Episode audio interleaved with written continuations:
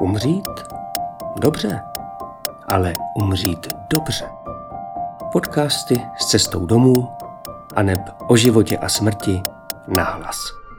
Člověk není jednoduchá bytost. Ať je zdravý nebo nemocný, mladý nebo starý, kromě svých fyzických potřeb má i potřeby sociální, psychické a spirituální. Paliativní a hospicové péči se tahle celistvost a propojenost projevuje ještě výrazněji než jinde, protože pacienti v závěru života i jejich blízcí prožívají těžké časy v mezních situacích. Proto nemohou být naše služby jiné než multiprofesní. V týmu domácího hospice Cesty domů najdete lékaře, zdravotní sestry, sociální pracovníky, terapeuty, psychologa, fyzioterapeutku, pracovníky půjčovny pomůcek, dobrovolníky a také duchovní, kaplanku. Tou je Magdalena Ondrová a právě ona je hostem dnešního podcastu s cestou domů, u jehož poslechu vás vítám. Ahoj Magdaleno, díky, že si přijala moje pozvání. Děkuji za pozvání, ahoj. Když se někdo na webu Cesty domů podívá na tvůj medailonek, dozví se, že jsi vystudovala teologii na Evangelické teologické fakultě Univerzity Karlovy v Praze, že pracuješ jako farářka sboru Českobratrské církve evangelické v Praze Modřanech a že si absolvovala kurz nemocniční kaplan. A v posledních třech letech kombinuješ práci farářky v evangelickém sboru s prací kaplanky domácího hospice. Tak uh, jsou to pojmy farářka, kaplanka, duchovní. Co od tebe vlastně lidé čekají a jak to jde dohromady s tím, co jim ve skutečnosti můžeš nabídnout? Asi neumím říct jako obecně, co ode mě lidi čekají, protože to je různý. Záleží na těch situacích, ale to, co jsem se naučila nebo se snažím učit v cestě domů, je, že, že je potřeba vlastně mluvit o tom, co můžu nabídnout. A mluvit o tom nějak srozumitelně a, a nějak, vlastně jsem se naučila ty věci vyjasňovat, protože ve sporu v církvi je to vlastně trošku to stojí na tom, že jakoby víme, co můžeme čekat od faráře. Možná, že to úplně nevíme, ale myslíme si, že to víme, rozhodně se to tam tak netématizuje. A tady eh, v těch situacích, do kterých se dostávám v cestě domů, si myslím, že je to potřeba si nějak vyjasnit a jestli to pak splním nebo nesplním, to je zase ještě druhá věc. Já tuším, eh, z části i vím, že eh, ne všichni faráři pracují stejně a že těch představ a může být spousta a ta realita je různá, ale pojďme u toho začít. Tvoje jako základní profese, práce je práce v evangelickém sboru, práce farářská. Typovala bych, že hodně lidí vůbec nemá představu, co to znamená, tak eh, zkusila bys nějak povědět, co vlastně běžně farářka, farář dělá, co, co je to hlavní? Já mám na starosti sbor, který čítá zhruba 200 členů, ne všichni jsou stejně aktivní, tak to je jedna rovina. E, farář je ten, kdo má nějak jako se o ty lidi starat, pečovat. A v rámci toho, té práce farářský na sboru konáme různé aktivity, akce. Taková základní jsou bohoslužby, nedělní bohoslužby e, a naše evangelické bohoslužby stojí na, na kázání, na výkladu biblického textu a na nějaké aktualizaci nebo na, na přemýšlení o tom, co to pro nás znamená e, v životě našem dnešním. A to znamená, že, že ta velká část té přípravy vlastně stojí na tom vymyslet to kázání nebo připravit to kázání. A pak jsou další aktivity, které konáme ve sboru, které jsou rozdělené většinou na generace. Je to práce s dětmi, setkávání dětí, setkávání mládeže, eh, setkávání starších generací k různým tematickým rozhovorům. A pak je taky docela dost administrativní práce, nebo ne moc, ale trochu jo. A pak nějaký organizační věci. V čem podstatném se to liší od tvojí práce v cestě domů? V tom tématu trochu, nebo dost. Ne, že by se v té farářské práci se člověk nedostával k umírání a ke smrti, to samozřejmě taky, ale není toho, není toho tolik. Tak to je jakoby tématicky.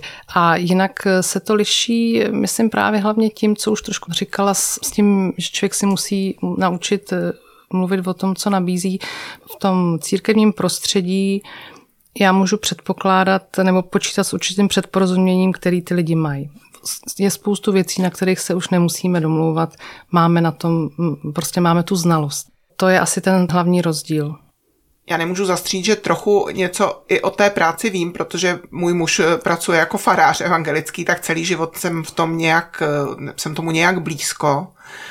Jak velký je pro tebe ten rozdíl, že farář je aspoň z mýho pohledu hodně solový hráč, přestože má ten sbor a má ty lidi s předporozuměním, zatímco v hospici, konkrétně v cestě domů, je to víc jako týmová práce. Nebo to ten rozdíl vlastně není a ten tým máš i s těmi jako lajky, kteří ten sbor tvoří a je to vlastně podobné? Já to vnímám jako velký rozdíl. Ano, farář je solista, taky to tak vidím. A e, i když má farář tým, tak je to trošku jiný typ týmu.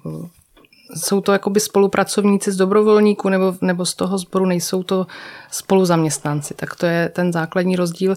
A pro mě ta práce v týmu byla já jsem vlastně byla od začátku tím fascinovaná. Jako tím asi, jak dlouho, dlouho pracuji, jsem pracovala v té solové podobě, tak ta práce v týmu mě přišla, nebo připadá mi pořád skvělá. No. Má taky nějaká úskalí? No to samozřejmě, když člověk narazí na blbej tým, tak, tak to, je, to je asi problém. A já mám teda to štěstí, že eh, mám dobrý tým a, a je to spolupráce jako v týmu, který chce spolupracovat. No, a není tam nějaké uh-huh. soupeření nebo přetahování, ale jde nám jako o společnou věc, tak když ten tým může takhle fungovat, tak mi to připadá skvělý.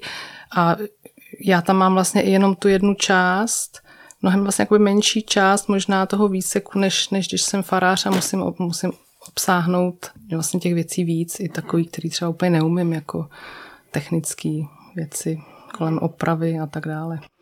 Já se ještě doptám trošku na to, čeho se dotkla. Ty jsi eh, o tom vlastně mluvila, že ve sboru jsou, nebo v církvi jsou to ty lidi s předporozuměním a tady se ocitáš, jako může tě vlastně čekat trochu cokoliv no teda i v církvi tě může čekat lecos, ale tady je toho jako řekla bych víc a vlastně se tím dotýkám nějaký jako něco, co bych mohla postavit na kontrastu třeba pojmu náboženskost a civilnost, jestli je to ono. Jako vlastně se ptám na to, ty jsi křesťanka, evangelička a tady jako pracuješ vlastně s velmi pestrou skupinou lidí, kteří mají různý vyznání, různý přesvědčení, různý světonázor, mnozí jsou bez vyznání, mnozí se potřebují negativně vymezovat vůči jinému třeba vyznání, tak je to tvoje denominace vlastně pro tebe v tom pomoc, nebo je to spíš jako úskalí. Říkám si, jak vlastně někdo, kdo se pohybuje v nějakém jako specifickém prostředí a najednou z něj má výjít do nějak, jako k veřejnosti, nějak to rozšířit, tak eh, jaký to pro něj je, jestli třeba nemáš obavy, že něco, co tobě je bytostně vlastní, tak by mohlo pro ty druhý být vnímaný jako, nevím, nějaký druh nátlaku možná, nebo to, že příliš někam směruješ?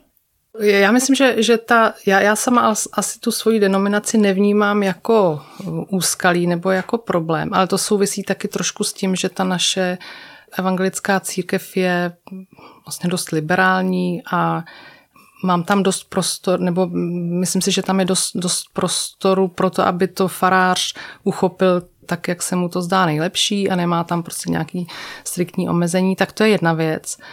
Takže pro mě tu denominaci jako překážku nevnímám.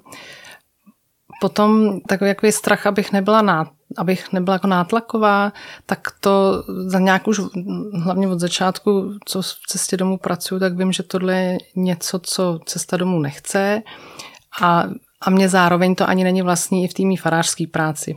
A myslím si, že, že ty situace, ve kterých se dostávám do těch rodin v cestě domů, že to opravdu není místo a čas na to, abych tam nějakým způsobem lobovala za svoji víru církev. O to tam, myslím, vůbec jako nejde. To si neumím představit, že bych dělala. Může to člověk dělat možná nějak jako, protože prostě ta víra ke mně patří, tak může to dělat nějak nevědomně, to je hmm. možný, hmm. jo, nebo že to může nějak v nějakých slovech, v nějakém stylu řeči mm, se objevit, ale doufám, že to se to dá nějak jako když tak vysvětlit. Nebo, ne, no, no, je, nebo je to taky něco, čeho si já třeba pak úplně nejsem vědomá a doufám, že to nedělám tak.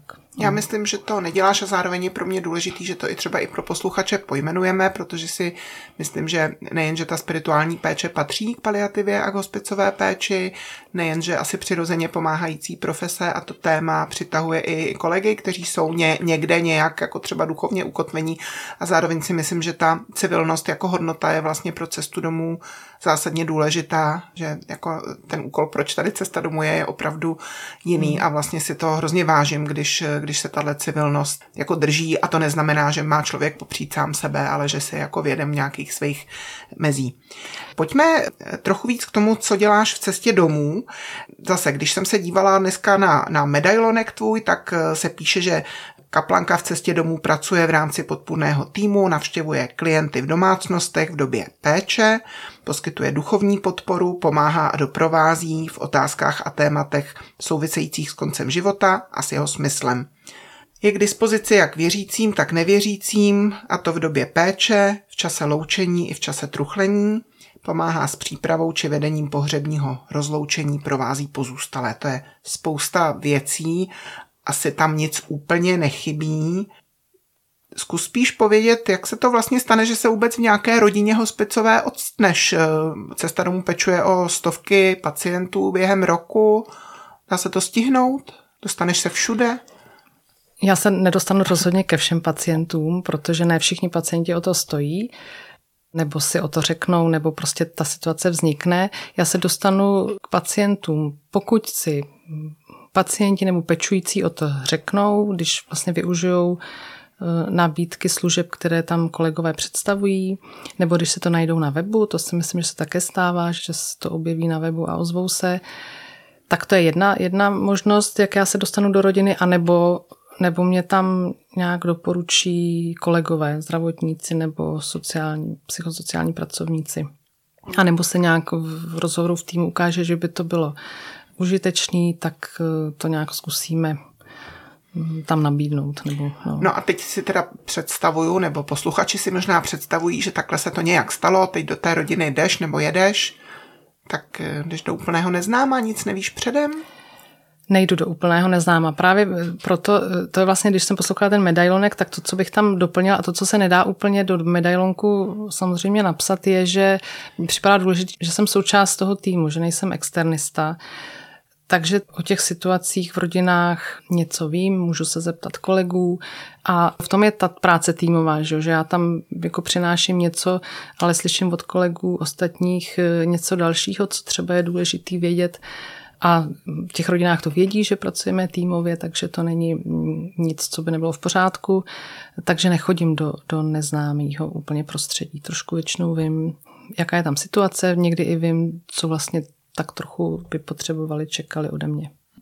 No a teď tam přijdeš, seš tam, tak vedete pravděpodobně nějaký rozhovor, mluvíš někdy s pacienty, někdy s rodinou, nebo, nebo vždycky s těmi i o nimi a víc mluvíš, nebo je to víc dialog, nebo někdy jenom posloucháš? Je to různý. Podle toho, jaké jsou ty situace, jaké jsou rodiny. Někdy mluvím eh, jenom s pacienty, když je to prostě že si to přeje ten pacient. Se mi stává, že to si to přeje pacient a pečující faráře nechtějí, nepotřebují, ale respektují to, tak tam to, je, tam to jsou situace, kdy mluvím jenom s pacientem, někdy jenom zase s pečujícíma. Mm-hmm. Někdy třeba je to tak, že pacient už ne, nemůže mluvit nebo nechce mluvit, nebo není to už prostě čas pro něj. A někdy s obojí, s mhm. obojíma, jak se pečujícíma, tak s pacientama. A je to různý. Někdy to je podpůrný rozhovor jenom a samozřejmě pro mě to poslouchání je důležitý. Já potřebuju poslouchat abych věděla, co ty lidi vlastně potřebují, aby to, co já tam přináším, bylo eh, pro ně eh, užitečný. Já vlastně jsem si uvědomila, že ta, ještě v souvislosti s tou první otázkou, že ta moje víra samozřejmě pro mě je důležitá. Je to součást nějakého mýho způsobu života i přemýšlení, takže v tomhle smyslu já si tam tu svoji víru v té evangelické tradici nesu, ale ne proto, abych ji tam prodávala nebo nabízela, ale aby, abych ji tam měla jakoby já e, pro sebe.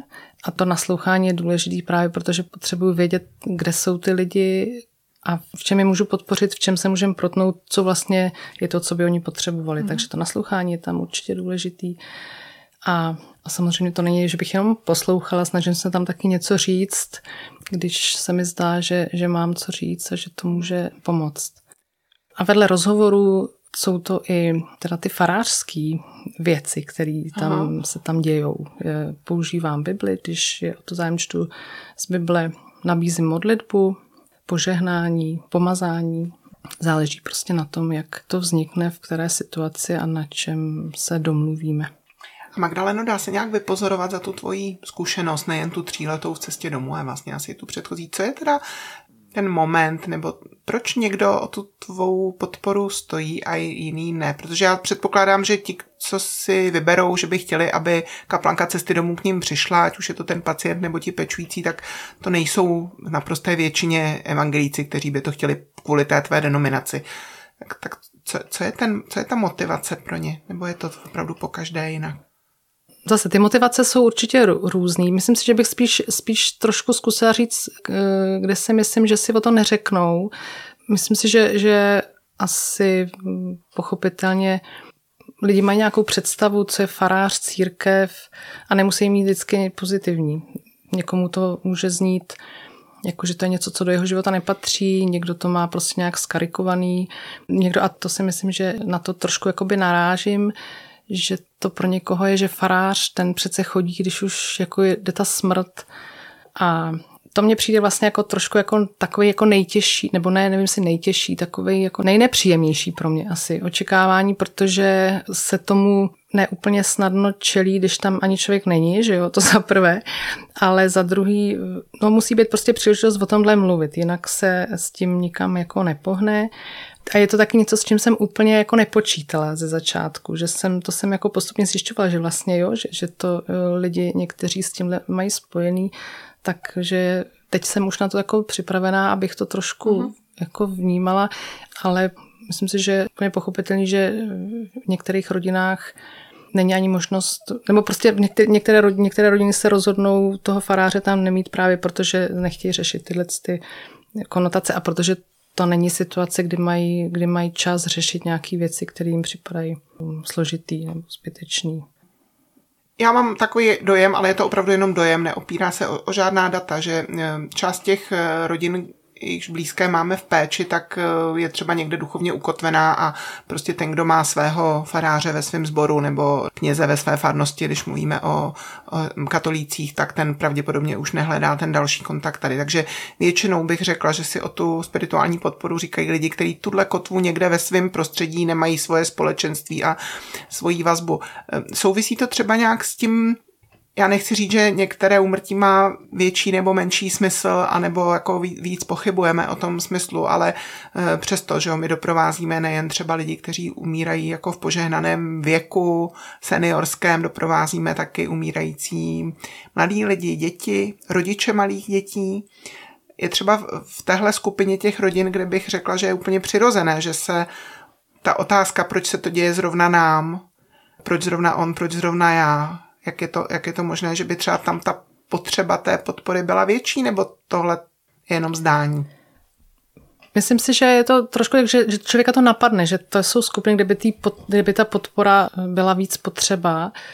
To mě taky napadá, ale, ale myslím si, že to nutně neznamená, že tyhle rodiny si o tu podporu řeknou. Mně připadá, že to, to kdo si o tu podporu řekne, že, že, to, je, že to jde spíš že to záleží spíš na tom, jak umějí být lidi otevřený, jak, nakolik si kladou otázky a nakolik, nebo si chtějí ty otázky klást. A to teď nemyslím, že by ten, kdo si je neklade, to dělal špatně. Prostě každý, každý to má nějak trochu jinak, ale přijde mi prostě, že o tu duchovní podporu a myslím si, že i o tu psychickou podporu si řeknou spíš lidi, kteří prostě se po těch věcech ptají a, a zkusej to a ne jestli to potřebují. No, že, že ta míra není tom, kdo to potřebuje, ale kdo, kdo vlastně si o to řekne nebo kdo se tím chce zabývat. No. A možná i v jiných situacích v životě byl třeba víc zvyklý o, o věcech diskutovat. Ano, ano. Ptát se na jiný názor, nějak to konfrontovat, mm-hmm. to, co slyší. A dost si myslím, že ještě to, to se mi zdá jako důležité, že to závisí hodně taky na tom, jak ty rodiny mezi sebou jsou zvyklí komunikovat. Mm. Tam, kde ta komunikace je dobrá, otevřená, tak tam vlastně je prostor i pro tyhle, tyhle věci a rozhovory. Milí posluchači, tohle je podcast domácího hospice Cesta domů. Dnes si povídám s evangelickou farářkou Magdalenou Ondrovou, která je naší kaplankou. Na co se tě pacienti nebo rodiny nejčastěji ptají? Na to neumím odpovědět, na co nejčastěji, protože to, to je odvislý od těch situací. E, někdy jsou to rozhovory o tom konci, o tom, co bude po smrti, o nějakých představách, o tom, co bylo v životě pro ně důležitý. A někdy jsou to rozhovory, ale úplně o obyčejných věcech, o vztazích a na to téma smrti nebo věčnosti nebo těchhle témat, co si člověk jako myslí, že když člověk umírá, tak přece si musí tyhle otázky klást, tak někdy na něj prostě vůbec nedojde. Ale myslím si, že oni, jsou, oni tam můžou být nějak obsažený právě v těch obyčejných věcech. Jo, to je moc hezký. Já vlastně, eh, to je něco, na co já jsem se v cestě domů nenaučila, taky se to pořád učím. Člověk má nějakou představu, že s tím těmi posledními dny a s tou tíhou musí být nutně spojený debaty o smyslu života, smíření, odpuštění. Říkám si asi skvělý, když tam i tohle nějak přítomný je, ale, ale často se to může projevit v nějakých úplně praktických drobnostech, v nějakém setkání, v nějaký zmínce. Je to tak? Nebo máš tuhle mm-hmm. zkušenost těch rodin? No, myslím si, že jo, že ty představy, ano, ty představy jsou taky pro mě eh, vlastně dobrý vodítko. Přijde mi, že když je situace, nebo když, když se mi zdá, že to možný je, tak se vlastně ptám na ty představy. Máte nějakou představu o tom, co bude po smrti? A protože jasně jsou to představy, my to nikdo nevíme, jak to bude, ale v těch představách se podle mě, když ty lidi se rozpovídají o těch představách a já třeba můžu přidat i svoje představy a mluvíme o tom dohromady, tak v těch představách se totiž eh, vlastně ukazuje to, co je pro ty lidi důležité v tom životě. V těch představách je vlastně hlavně ten život. A ještě to má takovou možnost, když člověk mluví o představě, tak může trošku fantazírovat nebo nějak, nějaký obrazy vy, vymýšlet nebo tak. A v tom se vlastně taky ukazuje, mě to přijde moc hezký, v těch představách se fakt, nebo v tom fantazírování se může zase odehrávat ještě něco, ukazovat něco, co pro ty lidi je důležitý a na co si vzpomenou a co třeba pak dojdou k tomu, že ještě by potřebovali si mm, vyřešit nebo to už trošku, tam třeba já už u toho nejsem, jo, ale, ale eh, když je možnost o těch představách mluvit, tak mi to připadá hrozně důležitý a dobrý. A máš třeba v hlavě nějakou situaci konkrétní, kdy tě napadá, tohle byl hezký obraz toho, jak se třeba ty velké a hluboké věci v něčem úplně konkrétním a relativně na první pohled drobným projevějí?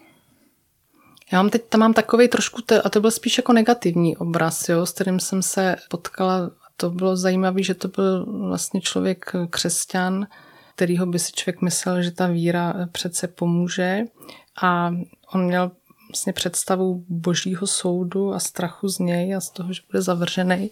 Tak to bylo spíš slovní, to nebylo nějak jako eh, barvitá představa, ale, ale ten strach tam byl, tak eh, to mě teď napadlo, tato představa spíš děsivá, kterou jsem, kterou jsem se snažila. Myslím, že se nám to pak nakonec povedlo trochu jako rozptýlit.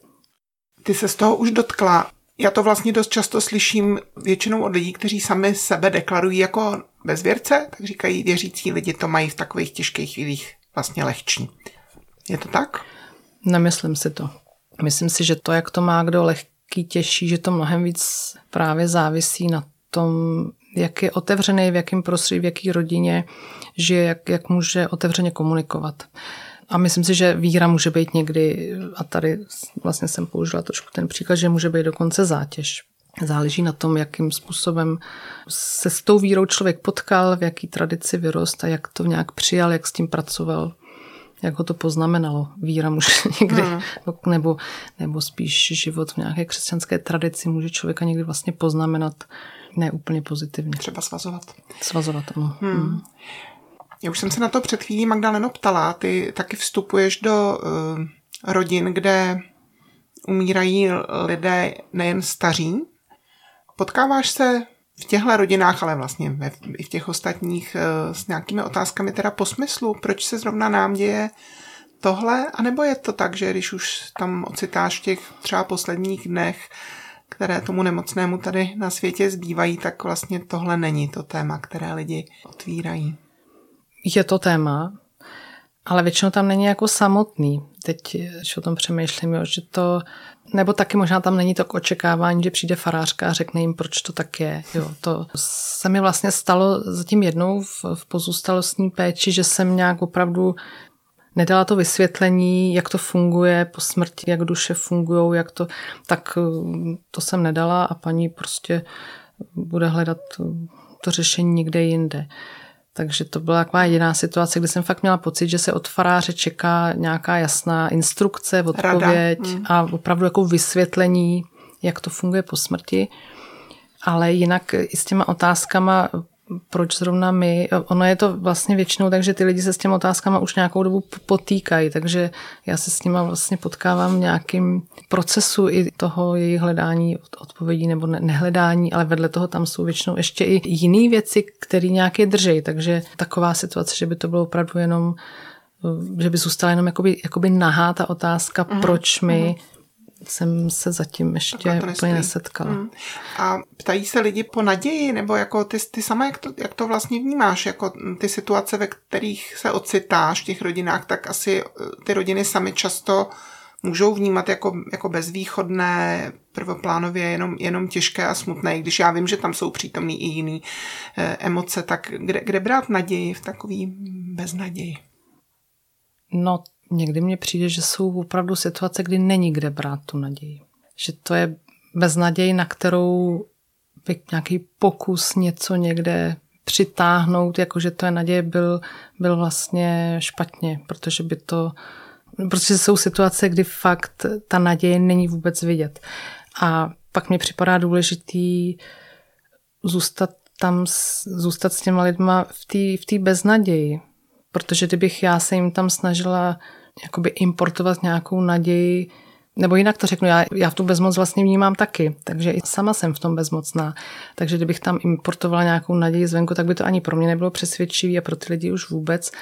Ale mám, mám za to, že když člověk nějak je s těma lidma bez naději i s tou svou beznadějí, že to není, není úplně málo, že to prostě, nebo že to není nula. No, prostě tam s nima být. No, a, a přiznat, i přiznat tu beznaděj, protože ona fakt je, že jo, to, to jsou situace, kdy fakt není, se nedá nic říct, co by byla odpověď. My jsme doteď mluvili o takové jako individuální práci v rodinách. V cestě domů taky eh, máme různá eh, setkání, třeba vzpomínkové setkání pro pozůstalé, klub podvečer, kde se schází pozůstalí, kteří o to stojí a nějak spolu jako sdílejí tu, ten prožitek, eh, to, jak prožívají truchlení, jak se to v čase mění, můžou si dát tím sdílením nějakou podporu. Já se ještě chci zeptat, jestli v té tvé praxi kaplanské v cestě domů Jestli k tomu patří i nějaké, řekněme, obřady, křest, svatba, pohřeb, to je něco, co farář v té zborové práci dělává. Dostane se to na pořad dne i v hospici? Ano, dostalo se to v mém případě teda na pořad dne jak křest, svatba, tak pohřeb. Uh-huh. Ano, a, ale i křest a svatba. A vlastně to považuji i za něco výjimečného v, v té situaci nebo v té mý práci. V jedné situaci právě to byla 16-letá eh, slečna, kterou jsem křtila v těch posledních dnech a pak jsem ji i pohřbívala. A celý to vlastně vzniklo trošku nějak v tom té situaci, protože jsem tam do té rodiny chodila k té, k té slečně a ona si pak vlastně o to sama řekla a bylo to moc hezký, bylo to takový samozřejmě improvizovaný, ale myslím si, že to bylo důležitý. Prostě ta situace se takhle vyvinula a ta slečna si o ten křest sama řekla a jsem ráda, že to tam proběhlo. Ty kromě podpory pacientům, pečujícím rodinám. Eh, dáváš taky podporu dovnitř týmu cesty domů. Já si myslím, že to je důležitý rozměr té práce, kdyby teď posluchači tě viděli, jak by viděli, že trošku váháš, ale já to vnímám jako vlastně něco, co mě možná předem nenapadalo, než jsem třeba v cestě domů pracovala, ale vidím to jako hodně důležitý.